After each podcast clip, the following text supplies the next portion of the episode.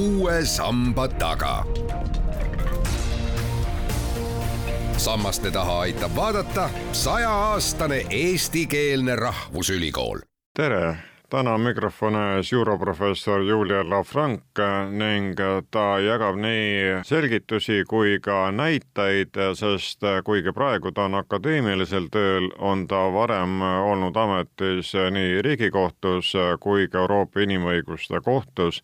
ning me võtame kõneks suveräänsuse Eesti ja Euroopa õiguses. jutujuht on Madis Ligi. see teemade valdkond hakkas meil tulema rohkem päevakorda siis, kui Eesti liitus Euroopa Liiduga jaa, see on tõesti tõsi, see oli siis, eelkõige kulmineerus ta kahe tuhande kolmandal aastal, kui toimus ka Eesti Euroopa Liiduga ühinemise osas rahvahääletus. suveräänsus on tegelikult väga vana mõiste iseenesest ja on üks olulisemaid ka rahvusvahelise õiguse mõisteid ja aga tema, teda tuleb kindlasti vaadata sellises laiemas kontekstis üldse, et võib-olla selline kontekstist väljakiskumine teinekord eh, ei ole kõige parem. Ja, ja see kontekst peaks ikkagi olema ka õigusriik, iseseisev, sõltumatu riik, eks ole, ja ka inimõigused ja demokraatia. ja kui nüüd päris algusest alata, siis vanasti teoloog ja filosoof Augustinus Hippost olevat öelnud ka sellise kuldaväärt lause, et õigluse puudumisel mis on suveräänsus muud kui organiseeritud vargus, et lausa niimoodi. et mis on siis kõige olulisem, suveräänsuse puhul on muidugi inimene, inimese õigused, õiglustunne, seda ei tohiks unustada, ka kui me räägime riikide suveräänsusest, sest tegelikult see suverään tähendab ju, et kellele kuulub võim. ja kui me nüüd võtame ka Eesti põhiseadust, siis Eesti põhiseaduse kohaselt on ju kõrgema riigivõimu kandja rahvas, kellel on siis see lõplik otsustusõigus poliitilistes õiguslikes küsimustes, see on siis nagu niisugune esimene, esimene küsimus,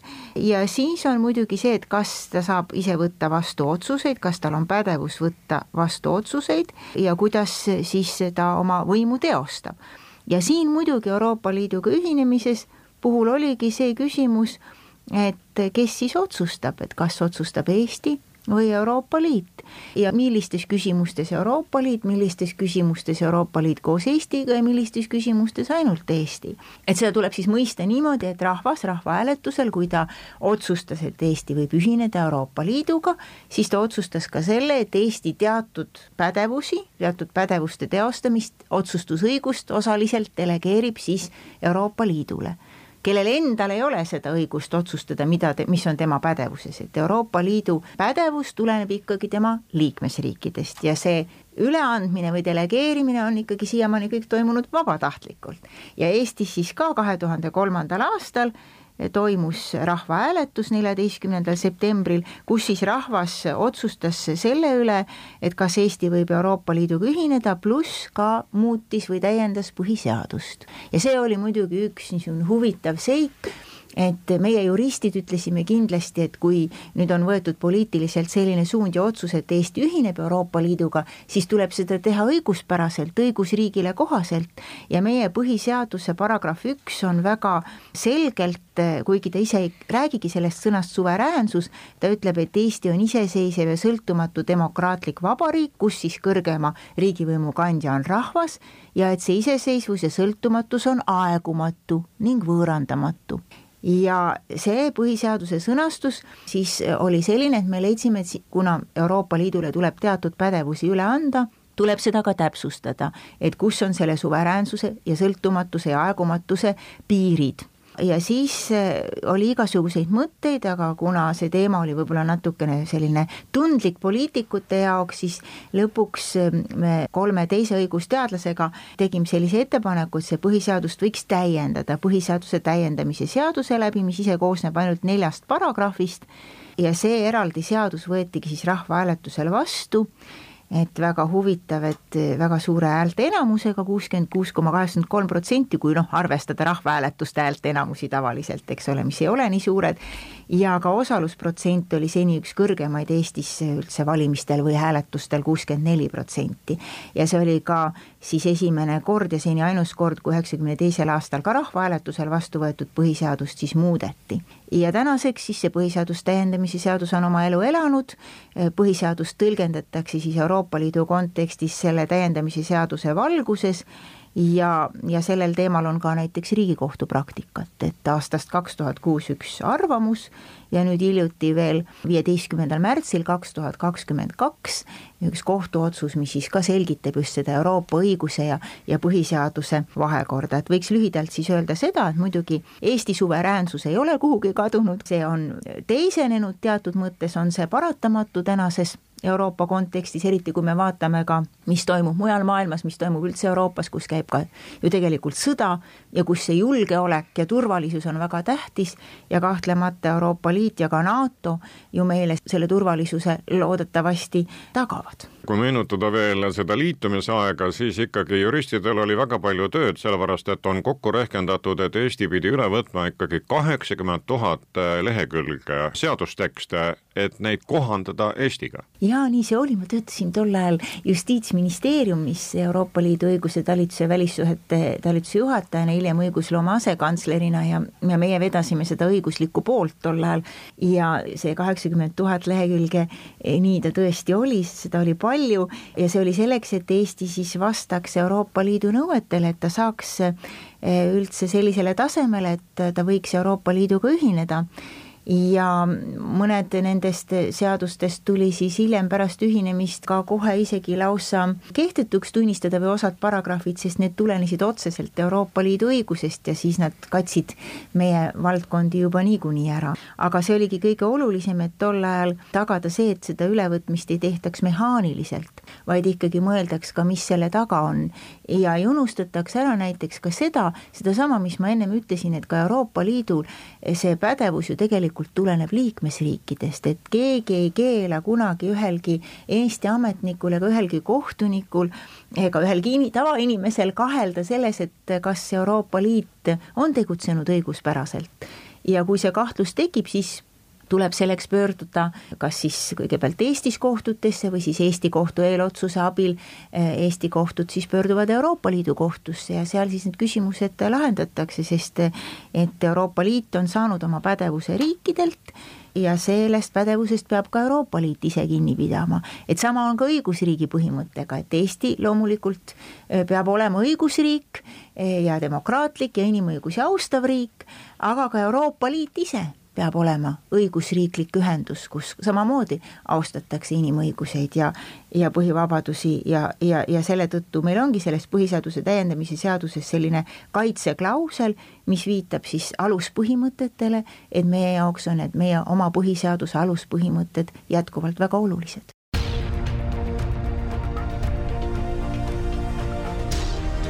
uue samba taga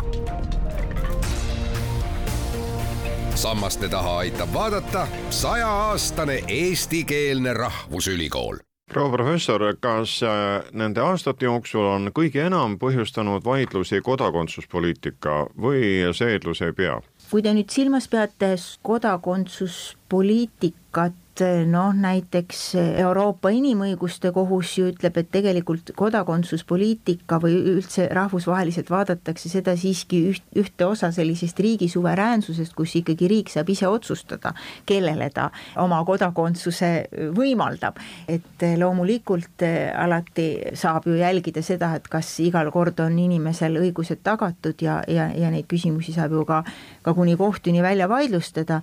aga selles mõttes on see kodakondsuspoliitika ametlikult ikkagi üks,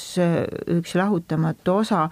sellest riigi enda võimu teostamisest. Ja näiteks Euroopa Inimõiguste Kohtu selliseid lahendeid selles osas on ettevaatlikud, meenub üks Malta juhtum kahe tuhande kuueteistkümnendast aastast, kus ühel isikul võeti ära Malta kodakondsus. Ja siis see asi läks Euroopa Inimõiguste Kohtusse ja Inimõiguste Kohus ütles, et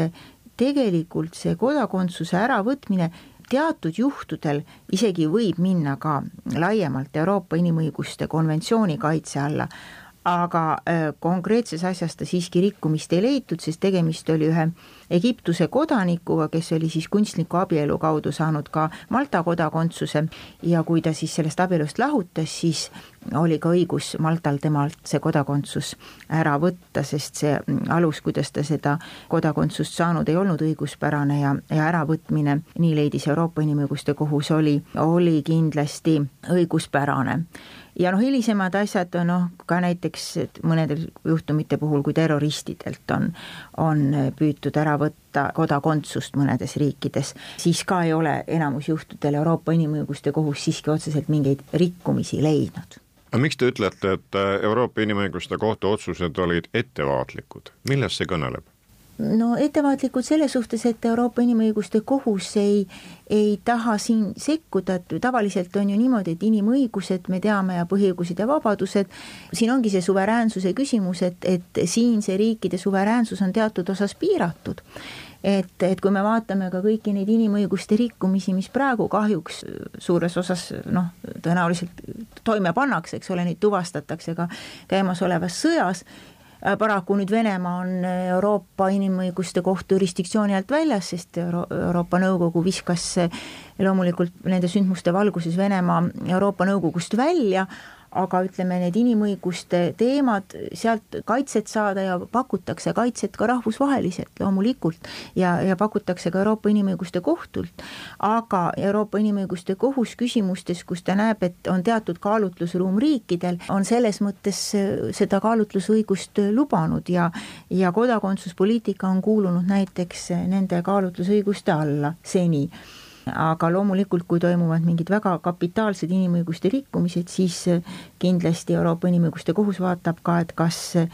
teatud osas on eh, inimõiguste konventsioon kohaldatav praegu on kõvasti üleval sanktsioonid ja nende kehtestamine ning ka nende järgimine, kas see on töömaa ka juristidele? jah, no kindlasti on see ju teatud mõttes ka jällegi selline noh, kõigepealt kaitsepoliitikas on kindlasti, me rääkisime siin kodakondsusest, me räägime kindlasti ka kaitsepoliitikast ja, ja majanduslikust suveräänsusest, kus riigid kõige rohkem nagu tunnetavad, et, et nad ei taha äh, et nende,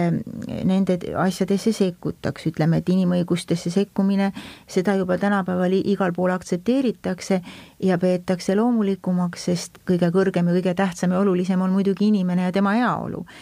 ja, ja samamoodi siis nende sanktsioonidega, et kas nendel on õiguslik alus, kas need on mõeldud selleks, et, et neid samu inimõigusi kaitsta ja, ja seetõttu võimaldavad või, või öeldakse ka, et, et võib sekkuda sellesse suveräänsusesse. noh, kaitsepoliitikas näiteks vaadates praegust arengut, on ju Taani näide. Taani omal ajal üheksakümne teisel aastal kui oli Maastrichti leping Euroopa Liidu, niisugune muutis Euroopa Liitu või lõi Euroopa Liidu endistest ühendustest ja muutis seda liitu tugevamaks, siis Taani esialgu ütles rahvahääletusele ei. ja siis pärast korraldati uus rahvahääletus ja siis Taani on jäänud nagu väga ettevaatlikuks, kui jälle seda sõna ettevaatlik kasutada ja näiteks kaitseküsimustes on siiani olnud väga reserveeritud, et ta ei ole tahtnud turvalisuse ja julgeolekupoliitikas ja ja kaitsepoliitikas Euroopa Liidus täie auruga koostööd teha aga nüüd vaatame ka jälle, kui sõda käib, siis otse kui selle üheksakümne teise aasta rahvahääletuse juubeliks, kolmekümnendaks sünnipäevaks sel suvel taanlased otsustasid rahvahääletusel et nad on nõus nendest reservatsioonidest, mis neil olid mm, Euroopa Liidu turvalisus- ja julgeolekupoliitikas loobuma ja ühinevad või, või võtavad täiel määral ka osa eh, sellest valdkonnast Euroopa Liidus. samamoodi majanduslikult, eks ole, muidugi Euroopa Liit, kui me Euroopa Liidu näite toome, siis Euroopa Liit on ju olnud läbi aegade just majandusühendus, vabakaubandusühendus ja majandusliku poole pealt on kindlasti ka väga oluline see, et, et nüüd nendes kriisiaegadel on ju võetud igasuguseid äh, selliseid meetmeid vastu, noh, selle saate nimi on siin Kuus sammast, aga Euroopa Liidus näiteks võeti vastu selline kuuspakk, no kuuspakk, mis puudutab seda majandusjuhtimise õigusloomet. Ja, ja see on ka, me räägime ju ka Euroopa Liidu suveräänsusest, mitte ainult riikide suveräänsusest ja ühiselt need riigid siis hoiavad koos seda Euroopa Liidu majanduslikku suveräänsust, et teineteist ja või üksteist, ütleme siis niimoodi, neid on ju mitmeid, toetades. Ja siis kui nad on selle majandusliku suveräänsuse mingil määral saavutanud, väljas, välismaailmast on neil kergem ka kehtestada sanktsioone niisuguste riikide vastu, kolmandate riikide vastu, ehk siis mitte Euroopa Liitu kuuluvate riikide vastu, kes, kelle poliitika ei ole vastuvõetav inimõiguste alal näiteks ja ka muudes küsimustes ja, ja, ja kellele siis sedakaudu avaldatakse survet. aga et see ühine jõu ja ka, ja ka riikidel ka eraldiseisvalt sellise suveräänsuse leidmine tänapäeval, kus kõik on olnud väga seotud ju ka energia alal, ka, ka keskkonnakaitse alal, ei ole üldsegi mitte, ei ole üldsegi mitte kerge jõuame veel täna kokku võtta selle teema seoses äsjase Euroopa Kongressiga. kui palju see praegu siis juriste, olgu nad praktiseerivad või akadeemilised inimesed, selle rea peal haarab? Jaa, jutt on kongressist, mida korraldas siis Euroopa Õigusakadeemia Saksamaal Triiris. see on selline väga tunnustatud juristide täiendkoolituskeskus, mis koolitab advokaate, prokuröre, kohtunikke ja teisi juriidilise eriala esindajaid üle kogu Euroopa. mul on olnud au olla selle akadeemia asejuht ja ka programmide direktor. praegu olen ma Akadeemia Sõprade Seltsi juhatuse liige ja kuulun ka teaduskomiteesse ja meil oli selle Euroopa Õigusakadeemia kolmekümnenda sünnipäeva tähistamiseks äh, väga eriline kongress, kus siis räägiti suveräänsusest, Euroopa Liidu suveräänsusest, sellest, nendest samadest küsimustest, millest me ennem siin rääkisime, äh, kaitse ja julgeoleku küsimused, majanduslikud küsimused, keskkonnaküsimused, digitaalne ja küberjulgeolek, väga olulised märksõnad, siis või oli tõesti väga huvitavaid esinejaid ja, ja võtsid osa näiteks Läti Vabariigi president, kes on olnud varem nii Euroopa Liidu kui ka Euroopa Inimõiguste Kohtu kohtunik, Euroopa Komisjoni volinik, Euroopa Komisjoni endine president, Euroopa Liidu Kohtu president, no ühesõnaga terve hulk üle Euroopa eh, professoreid. Ja räägiti ka sellest, millised on olnud just inimeste, kui tulla tagasi inimese juurde, rahva ettepanekud, et milline see Euroopa Liit võiks tulevikus välja näha. ja, ja seal öeldigi, et ei saa see suveräänsuse küsimus ka jääda lihtsalt tühjale kohale, et kui me anname midagi Euroopa Liidule üle, siis me tahame, et ka Euroopa Liit tagaks selle, et kõik oleks noh, väga hästi läinud. ja, ja selle tõttu on näiteks oluline, et Euroopa Liidus austataks endas, nagu ma ütlesin, õigusriigi põhimõtet, aga ka demokraatia põhimõtet ja, ja selle tõttu leiti, et, et inimesed on teinud ettepanekuid, kuidas Euroopa Parlamendi valimised võiksid näiteks toimuda selliselt, et oleks võimalik üle Euroopa kandidaate valida või et ikkagi Euroopa Komisjoni presidendi kandidaadiks oleks ikkagi võitnud valimised, Euroopa Parlamendi valimised võitnud erakonna poolt esitatud kandidaat ja, ja nii edasi, nii et et noh, seal on ka neid suveräänsuse mõisteid on nii erinevaid. ma ütleks siia lõppu veel, et see suveräänsuse mõiste sai alguse Jean Baudinilt Prantsusmaalt kuueteistkümnendalt sajandilt. tema, muidugi seda tuleb vaadata, see oli sel ajal kontekst oli see, kus hugenotid ja ühelt poolt ja katoliiklased siis teiselt poolt hugenottide vastu võitlesid, oli see verine pärtliöö sündmus. Ja, ja selle võrra praeguseks on muidugi see suveräänsuse küsimus kindlasti teisenenud ja mida aeg edasi on antud, hakatud rääkima jagatud suveräänsusest, eh, ka autonoomiast, ma arvan, et ikkagi lõpuks tuleks öelda niimoodi, et suveräänsust ei tohiks kasutada selleks, et kellelegi haiget teha, olgu see siis omadele või võõrastele ja see, kellelt see tsitaat pärineb, jäägu see siis, nagu öeldakse, suure ringi küsimuseks meie kuulajatele. aitäh nende selgituste eest, professor Julia Lavrank, küsija oli Madis Ligi.